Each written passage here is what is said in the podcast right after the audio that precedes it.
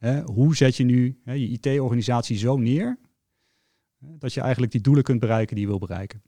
Welkom bij een nieuwe aflevering van de podcast Business vooruit met IT van InfoSupport. Een podcastserie over digitale transformatie.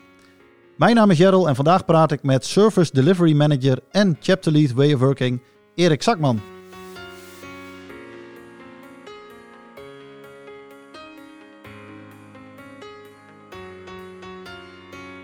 Erik, welkom in de podcast. Ja, dankjewel uh, Gerald. Kun jij jezelf nog even kort voorstellen?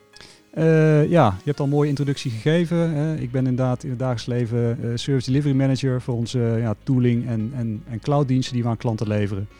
Um, en uh, ja, vanuit het technologiebeleid vul ik de rol van chapter lead in voor Way of Working. Dus ja, veel aan de proceskant ja, en vanuit daar veel bezig met, met DevOps. Mooi, en daar gaan we het vandaag ook over hebben. Zeker. De podcast van vandaag gaat over cloud als enabler van DevOps.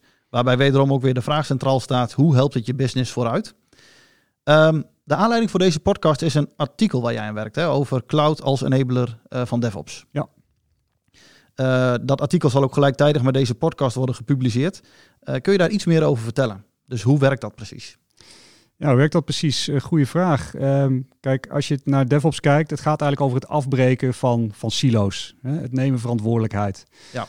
vanuit de klassieke uh, invulling zie je vaak dat het development team en het operations team ja, van elkaar gescheiden zijn. aparte afdelingen, er zit soms echt letterlijk een muur tussen. Um, en met DevOps gaan we het eigenlijk afbreken. En nou ja, help de business vooruit. Als bedrijf moet je tegenwoordig, je moet sneller kunnen schakelen, sneller kunnen bewegen. Um, en dan helpt het uh, ja, als je die bottlenecks wegneemt ja. uit het proces. Uh, dus dat is belangrijk.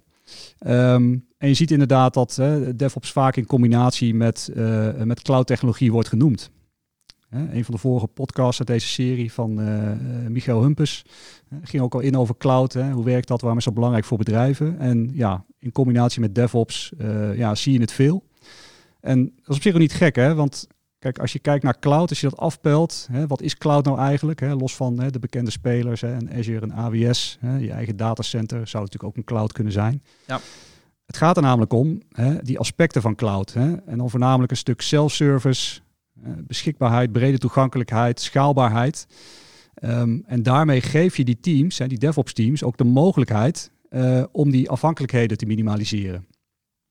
Je wil niet meer allerlei tickets inschieten bij infrateams om, om infrastructuur of andere diensten te bemachtigen. Je wil die verantwoordelijkheid eigenlijk bij die DevOps teams zelf neerleggen. En ja. nou, met die aspecten van cloud wordt dat mogelijk.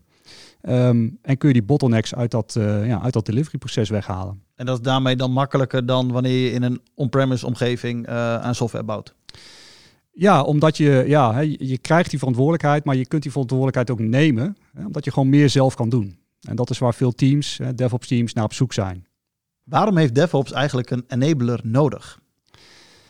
Ja, DevOps is meer dan hè, het bij elkaar brengen van, van rollen en specialismen. Er wordt wel eens gedacht, oké, okay, DevOps, nou, we hebben een development team en we hebben een, een operations team, een beheerteam. Nou, die zetten we bij elkaar. DevOps. En dan komt alles goed. Alles komt goed, we're done. En uh, ja, en soms hou je dan toch niet echt gelijk hè, de voordelen die je daarvan, uh, daarvan verwacht. Hè. Kijk, het gaat natuurlijk uiteindelijk om het verbeteren van de, van de performance van die organisatie.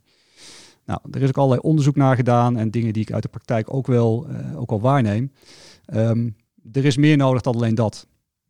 Er zijn alle, allerlei andere factoren die daarbij ja, van toepassing zijn. cloud wordt daar vaak in genoemd, hè, maar bijvoorbeeld ook een change proces. Dus op welke manier kun je wijzigingen doorvoeren en ja, hè, hoeveel handtekeningen en, en brandende hoepels moet je daarvoor door hè, om dingen voor elkaar te krijgen. Je kunt je voorstellen, je kan als team alles geweldig georganiseerd hebben. Um, ja, en dan loop je daar alsnog op vast, zeg maar, hè, om die snelheid te behalen. Ja. Nou, andere zaken die je veel terug ziet komen zijn hè, meer op cultuur gericht, hè, een stukje psychologische veiligheid. hebben die teams ook de ruimte om die verantwoordelijkheid te nemen? Uh, kunnen ze experimenteren? Dus je hebt eigenlijk allerlei ja, factoren die eigenlijk de combinatie zijn voor het succes uh, ja, van, van DevOps. En uh, de snelheid is ook wel een hele belangrijke. Gewoon die brandende hoepels eigenlijk uh, minimaliseren. Ja, minimaliseren. In ieder geval, ja, in ieder geval duidelijk maken hoe die processen eruit zien. Daar loop ik nog wel eens tegenaan dat het, het change-proces überhaupt niet inzichtelijk is. Hè? Hoe werkt het? Wie moet akkoord geven? Waarop? Wanneer? Waarom? En uiteindelijk kun je vaak door te kijken van oké, welke risico's proberen we nou eigenlijk te mitigeren hè, met al die hoepels Ja. en al die handtekeningen. En ja, hè, vaak kun je ook daar, dat is ook iets wat bij DevOps hoort, een stuk automatisering. Oké, we willen graag deze risico's mitigeren, moeten bepaalde dingen testen of dingen. Nou oké, we kunnen misschien automatiseren. En daarmee eigenlijk ja, die snelheid verhogen zonder dat je ja, hè, eh, de risico's uit het oog verliest. Ja, ja en deze podcastserie gaat natuurlijk ook over digitale transformatie. En dit lijkt me inderdaad dan essentieel eh, voor een digitale transformatie om eh, ja, die snelheid er zoveel mogelijk in te houden. Ja, precies. Dus je wil eigenlijk als organisatie, ja, je wil eigenlijk het, het, het geheel verbeteren.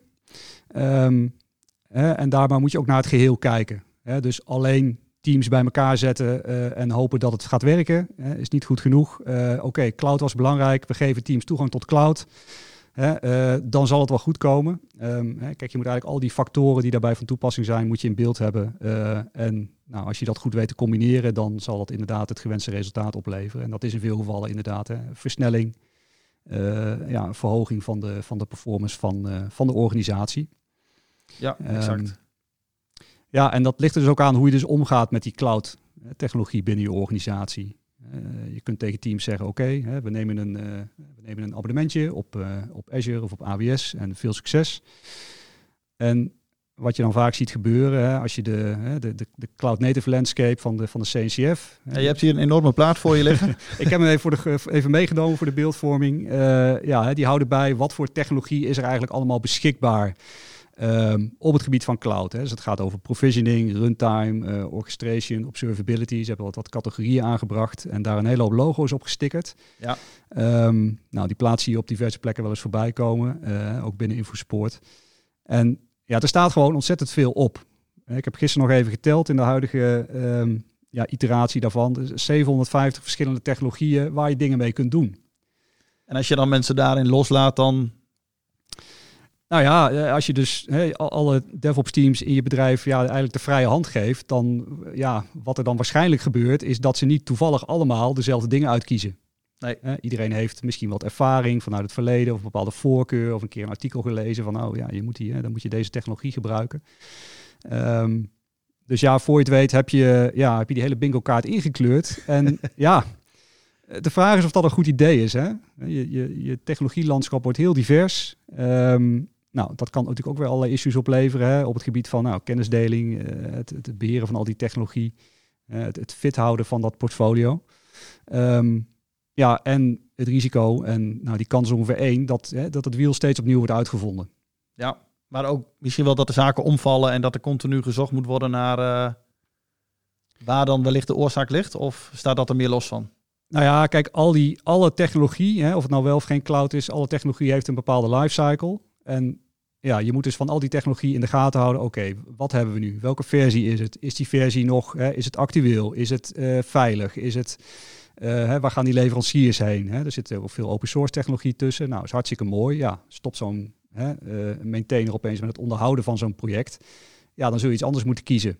En voor betaalde software geldt dat net zo hard. Ja, bedrijven kunnen daar gewoon mee stoppen of andere dingen doen. En ja, de vraag is, kun je dan snel genoeg schakelen? En dan heb je het überhaupt in de gaten. Maar dat lijkt me best wel een lastige ja, balans of spagaat eigenlijk waar je in terechtkomt van innovatie, maar ook toch ook het eh, beperkt houden eigenlijk. De, de opties die je iemand geeft of die je een team geeft. Ja, ja, en dat is, ja, dat is een beetje de crux inderdaad van hoe hou je de balans tussen inderdaad hè, alle goede dingen die je kunt, hè, die je kunt halen uit, uit cloud en uit technologie en uit innovatie. En ja, hè, toch enige vorm van kadering hè, is vaak wel ja, handig en noodzakelijk. Eh, om toch ja, een beetje grip te houden op van oké, wat gebruiken we nu en ja, eh, hoe weten we zeker dat we niet daarmee allerlei risico's introduceren. Ehm, ja, en organisaties gaan daar eigenlijk op allerlei verschillende manieren mee om. Ja, hoe ziet dat in de praktijk eruit? Eh, ik heb verschillende, ja, verschillende manieren gezien om, dat, eh, om die grip toch een beetje terug te krijgen. Ehm, en eh, ja, wat je veel ziet, hè, ook in het kader van cloud, zeggen oké, we hebben een, we hebben een cloud team nodig. Ja, dat wordt vaak een cloud center of excellence genoemd. Nou, dat klinkt natuurlijk super hip. Ehm, en ja, hè, een team wat eigenlijk een soort filter gaat leggen op zo'n plaat en gaat zeggen, nou oké, welke dingen mag je dan wel gebruiken, wat mag je dan niet gebruiken en, en eventueel daar ook hè, een stukje dienstverlening op doen. Ehm, en ja, met het risico, en dat gebeurt ook nog wel eens, dat dat team zeg maar echt een, echt een filter gaat worden. Uh, en dat je dus allerlei tickets moet gaan inschieten en echt ja, toegang moet vragen tot die technologie. En dat lijkt me heel erg vertragend dan ook weer werken. Ja, dan heb je eigenlijk precies die bottleneck weer terug waar we vanaf wilden. Hè? Want dat is natuurlijk hoe het, hè, hoe het vroeger veel werkte. Ik heb dat, hè, ik, ik loop zelf ook al een tijdje mee in de IT, ook veel, bij veel klanten gewerkt, projecten gedaan. En ja, vroeger had je, hè, je ging software bouwen. Je ging een oplossing bouwen voor die klant. Uh, er was vaak een infra uh, slash beheerteam die ja, de omgeving beheerde. En dan kwamen we bij een klant en dan zeiden ze, nou oké top, wij draaien hier alles op, uh, op Windows Server. En als je iets met een webapplicatie wil, dan hosten we dat in IIS. that's it. En als developer, je had geen toegang tot die omgeving, hè, je kon daar verder helemaal niks mee. Ja, dan voel je al een beetje dat die, hè, dat die bottleneck er is. Um, en ja, die kun je dus op zich ook heel eenvoudig in, in cloud-omgeving ook weer introduceren, door er inderdaad precies weer zo'n team tussen te zetten. Uh, dus dat is een, ja, iets wat je vaak ziet. En op het moment dat je die muur ja, te hoog maakt, heb je die bottleneck weer terug, ben je de self-service kwijt, ben je eigenlijk ja, het voordeel van cloud gelijk ook weer, uh, ja, ook weer kwijt voor die teams. Um, ja, andere manieren om daarmee om te gaan. Hè. Je zou kunnen zeggen, oké, we gaan het niet uh, echt afschermen, maar we gaan eigenlijk een soort van ja, uh, golden path schetsen van oké, weet je, dit zijn technologieën, hè, die, zijn, die zijn goedgekeurd, daar hebben we ervaring mee, dat je eigenlijk niet het echt weghoudt bij de team, dat je zegt nou, bij voorkeur gaat deze kant op. Ja. Um, en daar kun je teams bij helpen door te zeggen, oké, okay, we, gaan, hè, we gaan daar wat meer voorkeur voor geven, we gaan daar ook guidance, we gaan daar templates voor maken, we gaan, hè, we gaan eigenlijk zorgen dat het makkelijk wordt voor teams om die technologie te kiezen. Is dat ook, is dat continu fine-tunen of... Want het, lijkt me een, een hele, ja, hoe moet ik dat zeggen? Heel moeilijk om die balans te vinden, dat je precies goed zit. Ja, dat is ook heel lastig. En, en wat het extra lastig maakt, is dat uh, het innoveert supersnel. Hè, als je die, die, die CNCF-plaat uitdraait en je draait hem een week later weer uit, staan er wellicht allemaal weer andere dingen op. Ja, ik wil zeggen, er zal denk ik ieder jaar een versie van worden gemaakt. Of periodiek? Uh, ja, periodiek. Vaker dan één keer per jaar in ieder geval. okay. uh, en nou ja, even los van hoe vaak die plaat wordt gemaakt. Uh, ja, de innovatie van cloud-technologie gaat supersnel. Ja. dus op het moment dat je zegt, oké, okay, we zetten daar een team tussen, dan komt er heel veel druk op dat team te liggen. Want die moeten dus ja, dat allemaal gaan bijhouden.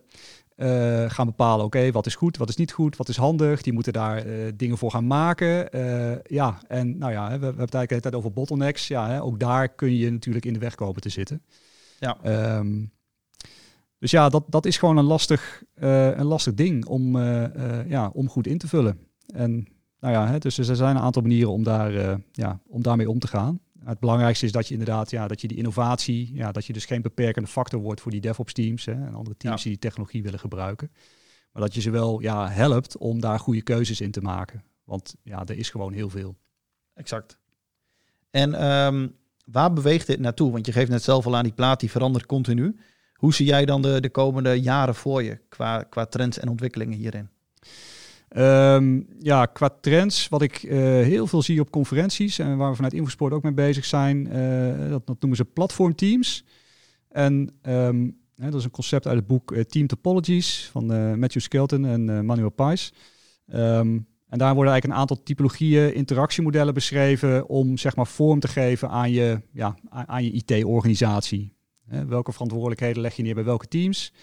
En hè, wat we het net ook over hadden, hè, er is ontzettend veel technologie. We willen meer verantwoordelijkheid naar die DevOps teams brengen. En dat is allemaal super gaaf. Maar op een gegeven moment, ja, hè, dat noemen ze uh, cognitive load, hè, cognitieve belasting. Op een gegeven moment is je hoofd vol. Ja. En ja, een software engineer, hè, een, een, een, een developer, ja, die heeft al heel veel te doen hè, qua technologie en het bijhouden daarvan. Hè, alle frameworks die uitkomen, tools die je gebruikt. Daar komt dus eigenlijk een heel stuk platform nog bij. Hè? En dan heb je dus ook over wat dingen die soms wat verder van zo'n developer af liggen, hè? van zo'n engineer. Dan heb je namelijk meer over infrastructuur hè? en dat soort zaken. Zijn ze niet altijd per se opgeleid. En ja, dat moet allemaal, al die kennis. Dus je moet van zeg maar diep naar breed en diep. En dat, ja, op een gegeven moment is het niet meer in één team eigenlijk dan. Nou, het past niet meer in één team, het past niet meer in één persoon. En, en ja, dan moet je op een gegeven moment ergens gaan knippen. En alleen, ja, hè, DevOps, meer verantwoordelijkheid naar team. Team kan zoveel mogelijk zelf doen. Dus het voelt dan soms tegen natuurlijk om te zeggen, ja, dan maken we weer een apart team. Hè. En het belangrijkste daaruit is ook van, ja, hè, ga dus niet weer hè, dat infra of dat operations, ga dat niet weer lostrekken, want dan ben je weer terug bij af.